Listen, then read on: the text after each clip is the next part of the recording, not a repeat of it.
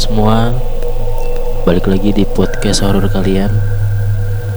Masih bareng gue Gilang dan Iwan Iya halo di episode kali ini kita siaran di malam Kliwon.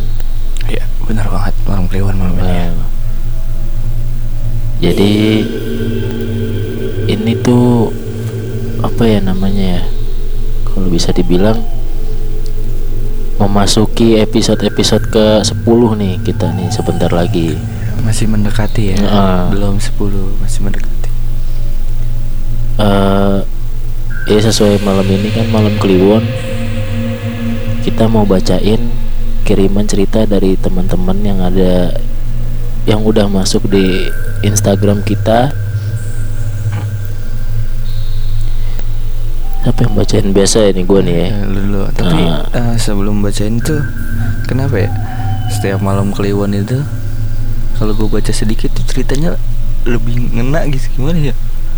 Lebih berasa gitu Iya, ya? iya serem banget tuh Yang ngirimin ceritanya loh.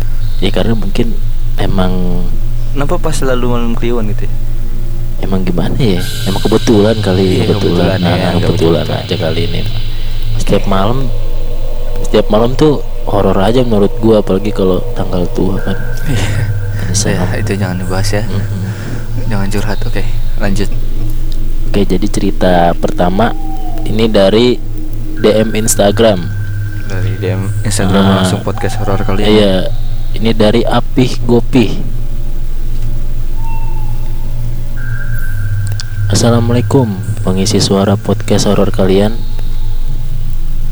Bang Gilang dan Bang Iwan Gue Apih dari Citayam Selatan. Eh halo. Gue cuma mau sharing pengalaman horor gue. Ini kejadian pas gue umur 5 tahun. Kira-kira tahun 1999 Di Ciputa, Tangerang Selatan. Kondisi rumah gue masih kayak perkampungan gitu. Yang di mana rumah di sekitar situ Jarang yang ada pagernya Dan langsung pintu utama. Di depan rumah gue Kira-kira jarak 20 meter Ada pohon rambutan yang lumayan gede Sampai rimbun daunnya. Dan gue dulu juga pelihara ayam Yang udah jinak banget. Ngerti gitu deh nggak kayak ayam-ayam yang sekarang. Nah dulu kalau udah mau maghrib Dia pasti pulang. Ketok-ketok pintu rumah gue pakai paruhnya. Dan gue taruh dia di kandangnya Yang ada Oh yang ada di halaman belakang rumah gue. Tiap dua hari dia ngel Oh gini, tiap hari pokoknya begitu. Jadi ayamnya setiap hari ngelakuin hal kayak gitu Ketok-ketok rumahnya pakai paruhnya. Nah singkat cerita Dua hari dia nggak ngelakuin itu. Akhirnya gue nanyain hal tersebut sama nyokap. Dan nyokap gue juga nggak tahu kenapa Dan ke mana ayam gue yang biasa ngetuk pintu rumah sebelum maghrib?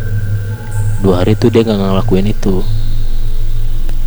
Di hari ketiga gue tungguin lah dia di dalam Dan berharap ada suara ketukan paruh di depan pintu.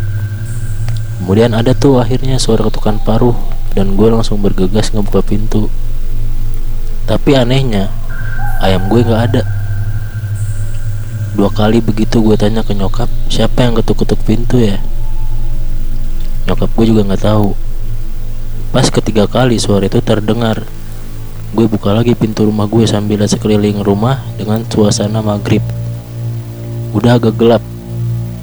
Pas gue lagi lihat sekeliling rumah Sampai gue lihat di sekitar pohon rambutan itu Gue tersentak kaget. Ngelihat sosok rambut panjang Baju putih yang udah agak kotor. Posisinya ada di atas pohon rambutan di tengah-tengah cabang Sambil nunduk dan ketawa.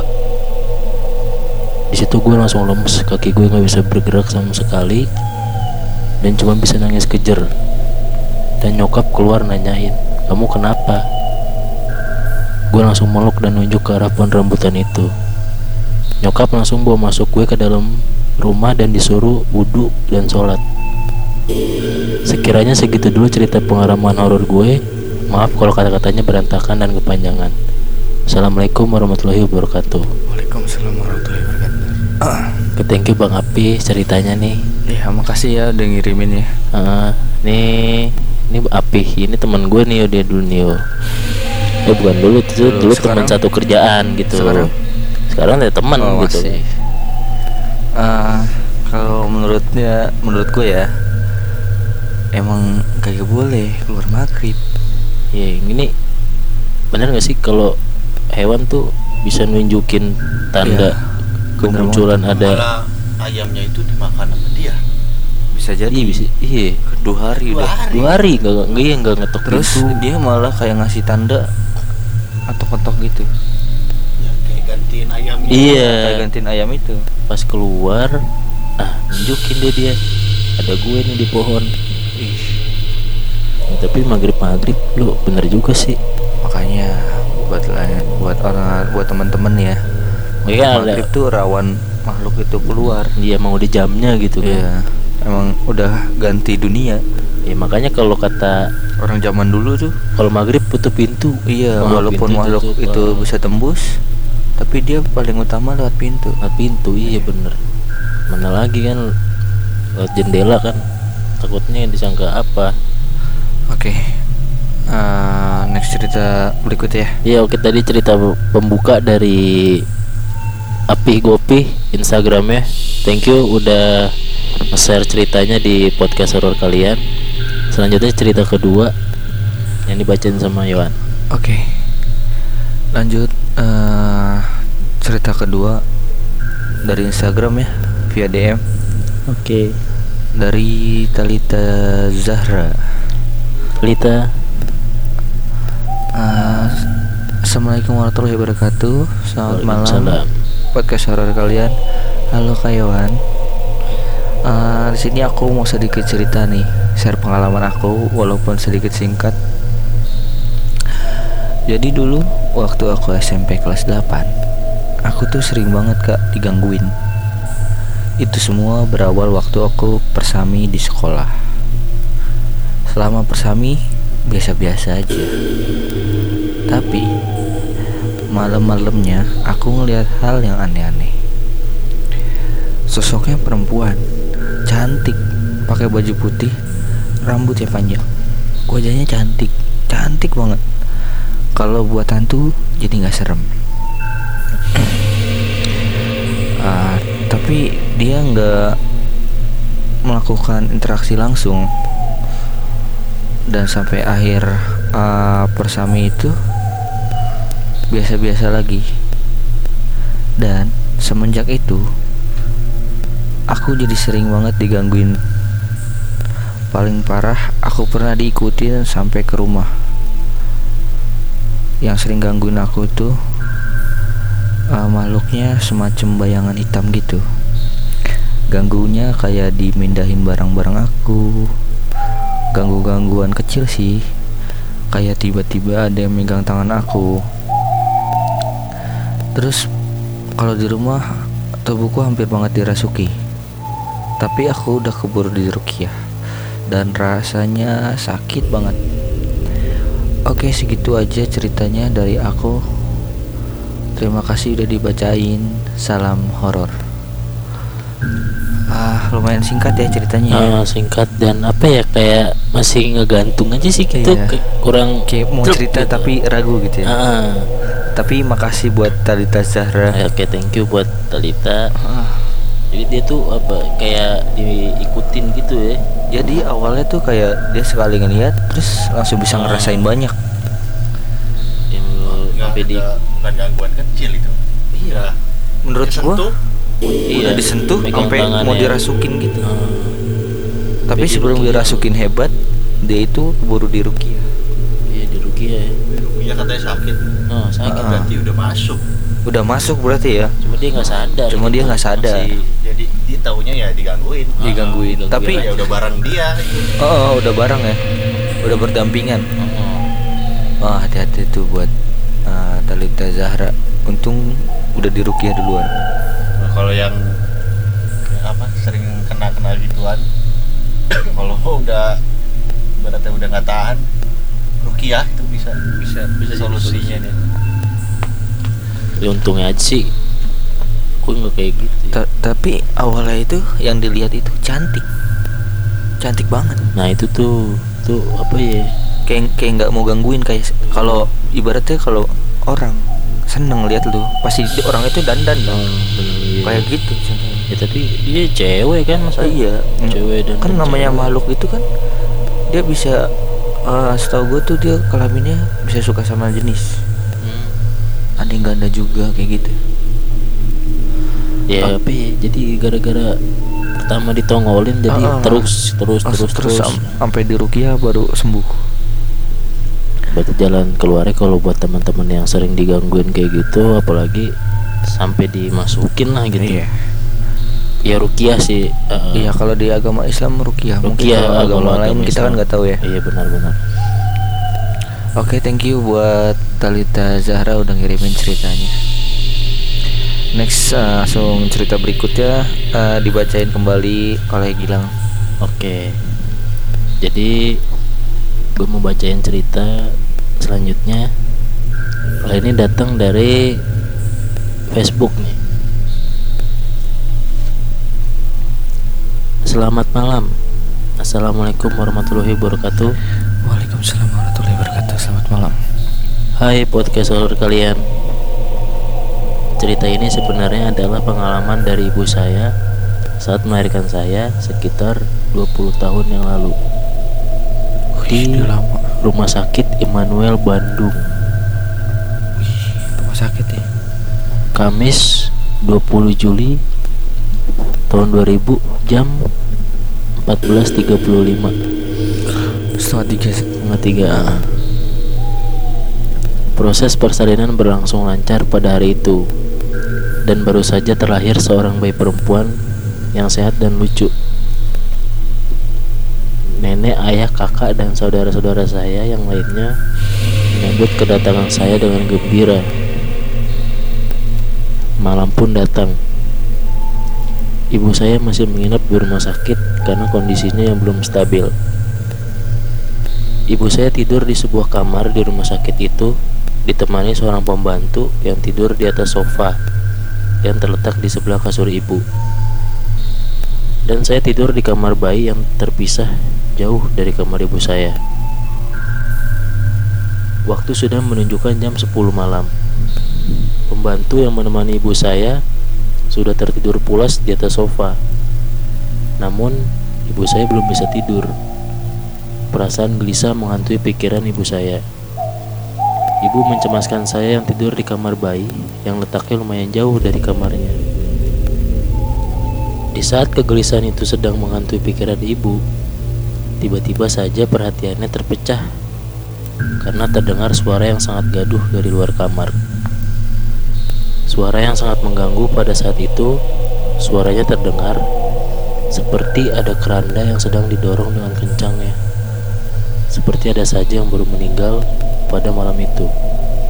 Dan juga terdengar suara isak tangis dari keluarga almarhum. Mereka menangis histeris. Ibu saya pun mulai curiga karena suara itu lama sekali terdengar. Rasanya ingin sekali berjalan turun dari kasur dan mengintip di jendela. Namun ada yang membisikkan ibu saya untuk jangan melakukan hal itu karena akan ada hal buruk yang terjadi. Ibu saya pun mengurungkan niatnya untuk mengintip di jendela dan memutuskan untuk berdoa saja. Paginya, ibu saya bertanya kepada suster yang bertugas pada malam itu. Suster, tadi malam ada yang meninggal nggak ya? Tanya ibu saya. Iya bu, ada. Tapi ibu tahu dari mana ya? Kata-kata ibu saya, tadi malam saya mendengar keranda melewati ruangan ini. Isak tangis keluarga pun terdengar. Kata dokter, apa? Ibu nggak salah dengar. Emang tadi malam ada yang meninggal, tapi nggak lewat sini bu. Yang meninggal langsung dibawa ke kamar jenazah, yang juga tidak melewati ruangan ini. Jelas suster itu. Ibu saya pun terdiam mendengarnya. Suara itu pun terdengar selama dua hari dua malam. Karena ibu saya yang sudah tidak kuat lagi, ibu saya pun memutuskan untuk pulang ke rumah saja. Sekian cerita dari saya. Maaf kalau nggak nggak seru atau kurang seram, karena ibu saya juga kurang jelas menceritakannya. Terima kasih udah dibacain oleh podcast horor kalian. Oke. Terima kasih buat siapa ini? Gak ada namanya. ya? Ini ada namanya. Ini di rumah sakit nih temanya nih. Ah, Ini sejauh episode ini tema di rumah sakit baru kali ini nih. Rumah sakit sih banyak ya. Pastilah ya gini loh apalagi uh, ibunya itu habis lahirin. habis ngelahirin masih kotor kan ibaratnya. Dan malamnya ada yang meninggal. Ya, tapi bukan lewat lorongnya dia. Iya. Ya sih gimana lu malam-malam denger ada suara keranda lewat gitu. Terus iya. orang-orang pada nangis gitu. Itu pertama wajar kalau wajar. Cuma yang bikin gak wajar itu dua hari. Dua hari uh -uh. 10 malam berturut-turut. Orang orang normal uh, sorry orang sehat juga inilah stres nih iya. orang kayak gitu. Maksudnya juga pas dia mau ngintip kata ada yang bisikin dia kan? Mm -mm. katanya jangan. Daripada buruk kan? Nah, ah. gimana ya? Keranda ya horor juga sih lu kalau apa ya, rumah sakit kan? Iya. Orang meninggal ya hampir tiap hari ada gitu kan kalau rumah sakit gede. Tapi itu rumah sakit Immanuel Bandung. Ya mungkin buat orang-orang Bandung ya. iya pasti tahu Tahu lah rumah sakit. itu.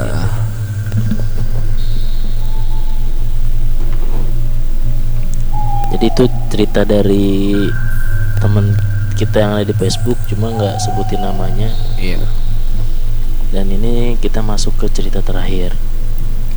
Cerita terakhir dibacain sama Yohan. oke. Kayaknya agak seru nih ceritanya nih. Sebentar sebentar. Oke lanjut Teri- cerita terakhir episode ini ya. Ya, halo podcast horor kalian. Selamat malam Yawan dan Gilang. Malam. Panggil aja nama gue N. KN. Bisa dibilang gue ini punya kelebihan. Bisa tahu dan sensitif atau peka banget sama yang kayak gitu-gituan. Nah, gue baru tahu podcast ini dari temen gue Yang katanya dia temennya salah satu dari penyiar podcast ini. Siapa tuh? Orang tahu. Makanya gue share cerita gue ke dia Biar diterusin ke podcast ini buat dibacain. Dari episode 1 sampai 6 gue udah dengerin dan ada salah satu episode di mana gue bisa ngerasain kalau selama kalian bawain podcast ini ada suara cewek nangis yang kalau gue raba dia itu nggak suka kalau kalian bacain cerita soal dirinya Wah, cik. apa kalian saat itu mengalami gangguan-gangguan aneh kah waktu siaran di podcast tersebut? Maaf, nggak mau nyebutin di episode berapa Biar podcast ini makin mantap aja auranya mistisnya Anjir Tuh. Aduh, makin diomongin loh Iya, ya. Gue tahu episode mana nih Soalnya gue ngomongin itu Oke. Langsung aja nyambung ke cerita gue. Kejadian ini Tepatnya di tahun 2017 yang lalu Saat gue ditinggal mudik sama keluarga gue pas lebaran. Jadi posisi gue saat itu bener-bener sendirian di rumah. Alasan gue gak ikut mudik adalah karena emang ada pekerjaan yang gak bisa gue tinggal saat itu. Gue ingat banget Hamin 5 sebelum lebaran itu gue udah ditinggal sama keluarga pergi mudik Beberapa hari ketika Hamin 2 lebaran. Percaya nggak percaya? Ya yang katanya setan itu kalau belum puasa pada dikurungin. Tapi ini nggak berlaku buat gue. Jadi pas saat itu jam 2 malam gue kebangun. Karena gue denger ada yang getok-getok pintu rumah gue. Kamar gue ada di lantai 2 Tapi suaranya kedengeran banget sampai ke lantai atas kamar gue. Lalu gue turun dan pas gue buka pintunya ternyata nggak ada orang Nah ketika gue baru balik badan Habis nutup pintu gue kaget. Karena di ruang tamu itu ada sosok cewek Yang lagi duduk di sofa gue. Rambutnya panjang Sampai nutupin kepala dan meraung-raung kesakitan gitu. Jujur gue nggak takut sama yang kayak gini-ginian. Ya karena udah biasa dan sering banget nemuin bahkan jadi tempat curhat mereka. Nah, gue tanya, kenapa ada di sini? Dia bilang, keluarga kamu mengejek tempat tinggalku dan mengambil salah satu burung yang ada di rumahku. Kembalikan atau mereka akan celaka. Habis ngomong gitu dia langsung ilangin bentuknya kayak asap gitu. Gue penasaran sama apa yang dilakuin keluarga gue sewaktu mudik. Gue telepon lah nyokap gue dan gue tanya apa mereka ke suatu tempat atau melewati dan berucap menjelekan tempat tersebut kata nyokap gue. Iya bang, tadi mama lewat suatu perkampungan gitu karena gelap dan bau amis-amis gitu. Kita nggak sengaja bilang kalau di sini tuh bau banget. Gimana ya ting? Gimana yang tinggal ya? Gitu bang, emang kenapa? Kata mamah gue Dan kata gue, terus apa lagi mah? Papa ngelihat ada burung yang nemplok di spion mobil Kata papa burungnya langka Dan sama papa dibawa sampai rumah nenek Pas mamah gue ngomong gitu langsung dong gue marah Dan gue suruh mereka kembaliin ke tempatnya Itu dan balikin burung tadi yang udah diambil papa Mama gue udah tahu soal gue punya kelebihan yang kayak begini Maka dia langsung nurut karena nggak mau gue dan mereka kenapa-napa juga. Besok malamnya cewek itu datang lagi ke rumah gue dan ngucapin makasih karena udah sampein omongan dia ke keluarga gue. Jadi itu aja yang bisa gue ceritain soal kelebihan yang bisa menyelamatkan ini men. Sekian dari gue segitu dulu. Makasih sukses terus buat podcast horor kalian. Wassalamualaikum warahmatullahi wabarakatuh. Salam horor. Oke. Aduh. Nih N En, En ini siapa ya? ini ini teman gue tapi gue nggak tahu dia punya temen namanya N gitu kan Eh, gimana ya nih? Eh, En, gimana kalau nggak keberatan lu datang sini deh? Gue pengen tahu. ini gue emang lagi pengen banget gitu datengin anak indigo buat siaran di studio Ya. sini eh pengen Kali- tanya gitu Kayak gini ada nggak sih sebenarnya Kali gue bisa akrab gitu kan? tuh nggak nih Dan ya? jadi narasumber. betul pasti dia punya pengalaman-pengalaman yang lebih dari ini nih Ah, bener banget. ini coba kita dari dari yang paragraf pertama tuh yang katanya di salah satu podcast episode podcast kita ada suara cewek yang nangis karena nggak senang ke ceritanya kita bacain yang mana ya? Ini ya buat eh, per pernah ada gitu gini pernah ya itu pernah parah itu malam itu. Cuma itu dia berapa kali gangguin. Cuma gimana ya? Sekarang deh gua nggak merasa ini sih eh nyinggung dia. Cuma kalau dia merasa tersinggung gue minta maaf aja. Karena nggak sengaja omongin. Kayaknya gue tahu itu emang gue ngomong. Kayak emang gue nggak ngomongin dari cerita orang sih. Itu cerita gue sendiri. Gue tahu itu. Eh, tapi kalau bahas kayak cewek ya pasti kan? Ya gue jauh banyak kan itu. itulah sih kalau misalkan pengaruh jarak sih kalau diomongin. Bisa bisa. Kalau deket dia jadinya lebih gimana ya lebih dekat lebih berasa keganggu gitu. Kan kalau itu kan Iya. dia merasa jauh kita omongin enggak juga gitu. iya merasa terpanggil juga. Kayak tadi tau tau dari Jawa kan mudik nyamperin. Ah nyamperin. tahu. Nah itu yang nggak terpengaruh jarak. Kan ada yang terpengaruh jarak juga ya. Ya, tapi apa ya kalau dibilang kita malam ini napas gue berat banget anjing. cewek nangis emang beberapa episode kita pasti ada selalu ada yang namanya itu lah mbak mbak Kunti itu pasti ada lah di setiap episode kan. Ya tapi kita lagi nebak-nebak juga nih.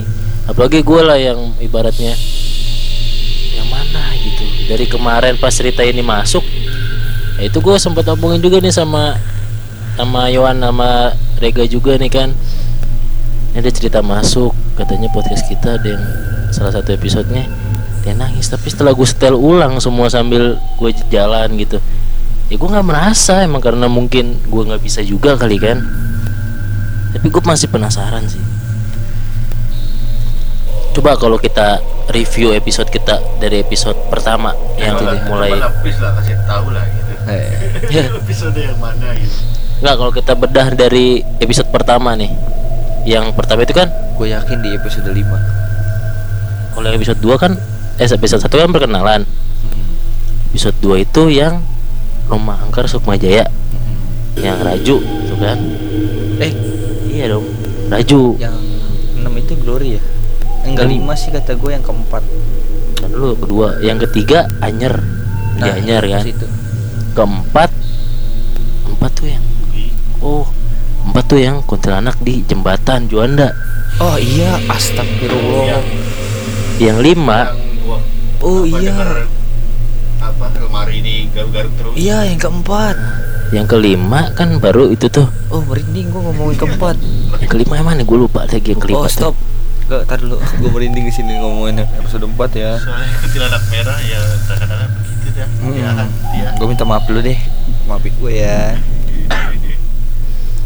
Kalau yang kelima gue lupa gue lupa kalau yang kelima kalau yang keenam eh yang kelima Glory yang kelima Glory Iya, kelima, kelima itu putu.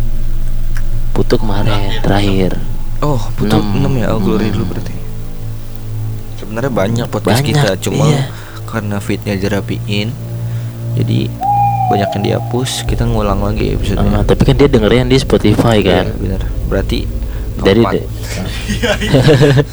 ya, ya udah. emang ya sesuai judul deh keempat tuh mungkin nih Astagfirullah, iya apaan? Eh nyalain dulu dong. lampu ya mungkin itu Ini episode nggak ngundang bintang tamu, cuma gimana ya? iya banyak gangguannya Heeh. Iya.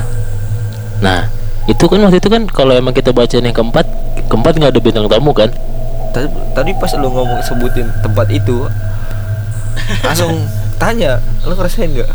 Eh, itu. nah iya kan di episode 4 itu kan kita nggak ada nggak ada bintang tamunya tuh Iya. pur kita doang nih yang Iya, bacain kan Apalagi sebelum lu datang ke studio, gue sendirian. Rega lagi beli kabel charger. nah terus setelah pas siaran yang katanya ada yang Iya, itu itu, kan pas, pas siaran gangguin gue. itu gangguan emang bener mungkin kalau emang episode itu ya kita emang ada gangguan gitu kita digangguin di situ Oke, ta- kita kembali ke ceritanya dia. terus kan itu kan paragraf ke pertama yang Uh-uh. kedua yang kedua ya emang eh dibilang kalau apa kalian saat itu mengalami gangguan-gangguan aneh waktu siaran episode tersebut nah Jawabannya iya. ya iya jawabannya iya kalau emang bener episode itu ya iya emang kita mendapat gangguan Mm-mm. di episode itu makanya episode yang paling singkat itu ya kayaknya episode paling singkat itu ya Eh, tapi gimana? Kena sih gue bacainnya itu. Ah, Karena pas itu gue yang bacain. iya jadi ya Gimana? kalau emang merasa Kliwon itu ya? kliwon Lagi kliwon kliwon itu kliwon malam kliwon Kenapa harus malam kliwon? nah itu tuh kalau nah terus kliwon? yaudah setelah itu paragraf selanjutnya kan dia nyeritain kalau pengalaman dia waktu ditinggal mudik Tapi pengalaman dia eh, keren loh. dia jadi tempat Curhat curhat juga Enggak. Gini loh. eh setahu gue kalau orang yang punya kelebihan emang dia jadi pasti tempat ngobrol. tempat ya ah, jadi kayak mediator gitu Ah, ya ah. rata-rata orang itu pasti nggak mau bantuin karena bahaya kalau dia bisa. Kan suka ada yang minta tolongin kayak gitu iya ah, benar benar benar. Kecuali- tergantung dianya juga mau bantu apa enggak sih. Iya bener banget. Ini kan karena dibantu kan memang menyangkut keluarganya. Keluarga, iya Ah, pasti dibantu. Lagi pula dia bantu mintanya juga nggak macem-macem. Cuma minta pulangin pulangin. sama minta maaf. Iya. Oh jadi gara-gara keluarganya nggak sengaja. Nggak sengaja ngomong. Emang Oh. bener lewat tempat sebuah Ah, ah. kampung gitu kan. Emang nggak boleh sih kita ngomong sembarangan juga Nah, apalagi gimana tempat mana. itu. Gimana ya? Kita nggak tahu loh Mm-mm. asal muasal kayak gimana. Apalagi dia ngambil sesuatu dari tempat yang itu. Mm-mm. ini ngambil burung loh padahal bapaknya. Kata bapaknya burung langka. Burung langka eh eh bener mungkin bapaknya suka burung iya kan? bener tahu jenis tahu jenis burung diambil nih Nah, karena tahu langka. dibawa ke rumah neneknya. Ternyata burung itu ya bukan burung ini ya. Iya. Jadi sebelum dia baik juga sih setannya itu masih tahu. Timbang celaka kalau nggak dibalikin iya kan. sebelum dia pulang ke Nah, rumah lebih baik dipulangin Wah, ini cerita penutupnya mantep juga nih. Tapi ada positifnya juga jadinya. Iya Hikmahnya ya setan aja lebih sopan ketuk pintu dulu masuk. iya ketuk pintu Walaupun dia bisa tembus kan langsung. iya ketuk pintu dulu ya itu dulu.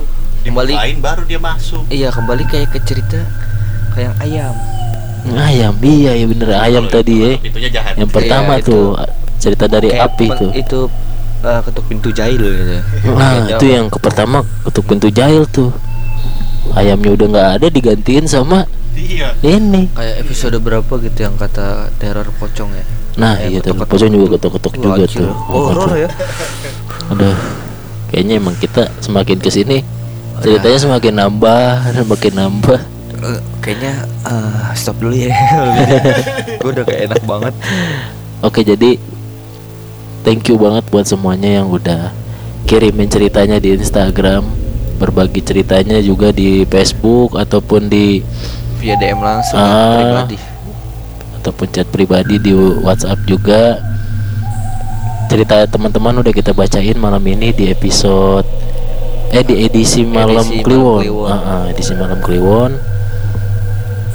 Jadi sekian gitu aja dari kita buat teman-teman yang mau sharing ceritanya di sini buat dibacain bisa langsung DM Instagram kita di mana yo di Instagram gue dulu ya. Boleh. Di at Yohan Y O A N N T 28 dan Instagram podcast horor kaliannya di at podcast horor R2 kalian. Jadi Ah, podcast horor kalian. benar podcast horor kalian tuh. Jadi jangan lupa di follow tuh. Kalau gua nggak perlu promo deh karena sering cerita masuk lewat Instagram gue biasanya sama Iya. WhatsApp ah. karena kalau gua jarang ngulik orang jadi gua langsung nyari orangnya langsung kalau buat Iya. ceritanya atau mungkin buat teman-teman yang pengen cerita langsung di studio kita Bisa. silakan apalagi gua nunggu banget nih namanya N nih iya namanya N nanti kayaknya gue tanya nih yo Iya. semoga bisa datang ya kayak Iya. kalau bisa datang asik nih Heeh. kayak banyak kayak episode episode glory gitu ya Nah. seru, seru tuh seru tuh ah. oke jadi sekian malam ini kita tutup lanjut di episode selanjutnya eh di edisi Malam malam, Jumat. Jumat, Ah, ah. di edisi malam Jumat nanti jadi teman-teman yang mau dibacain di malam Jumat kirim ceritanya dari sekarang makanya biar ada di paling atas kan nanti kita bacain sesuai yang ada di paling atas Iya, masuk lebih dulu duluan masuk. nah, lebih dulu masuk oke gue sama Yawan pamit Yup. Podcast horor kalian dan tim semuanya ada di studio malam ini. Mengucapkan terima kasih sekali lagi. Assalamualaikum warahmatullahi wabarakatuh. Selamat malam Kliwon Dan selamat mendengarkan. Salam horor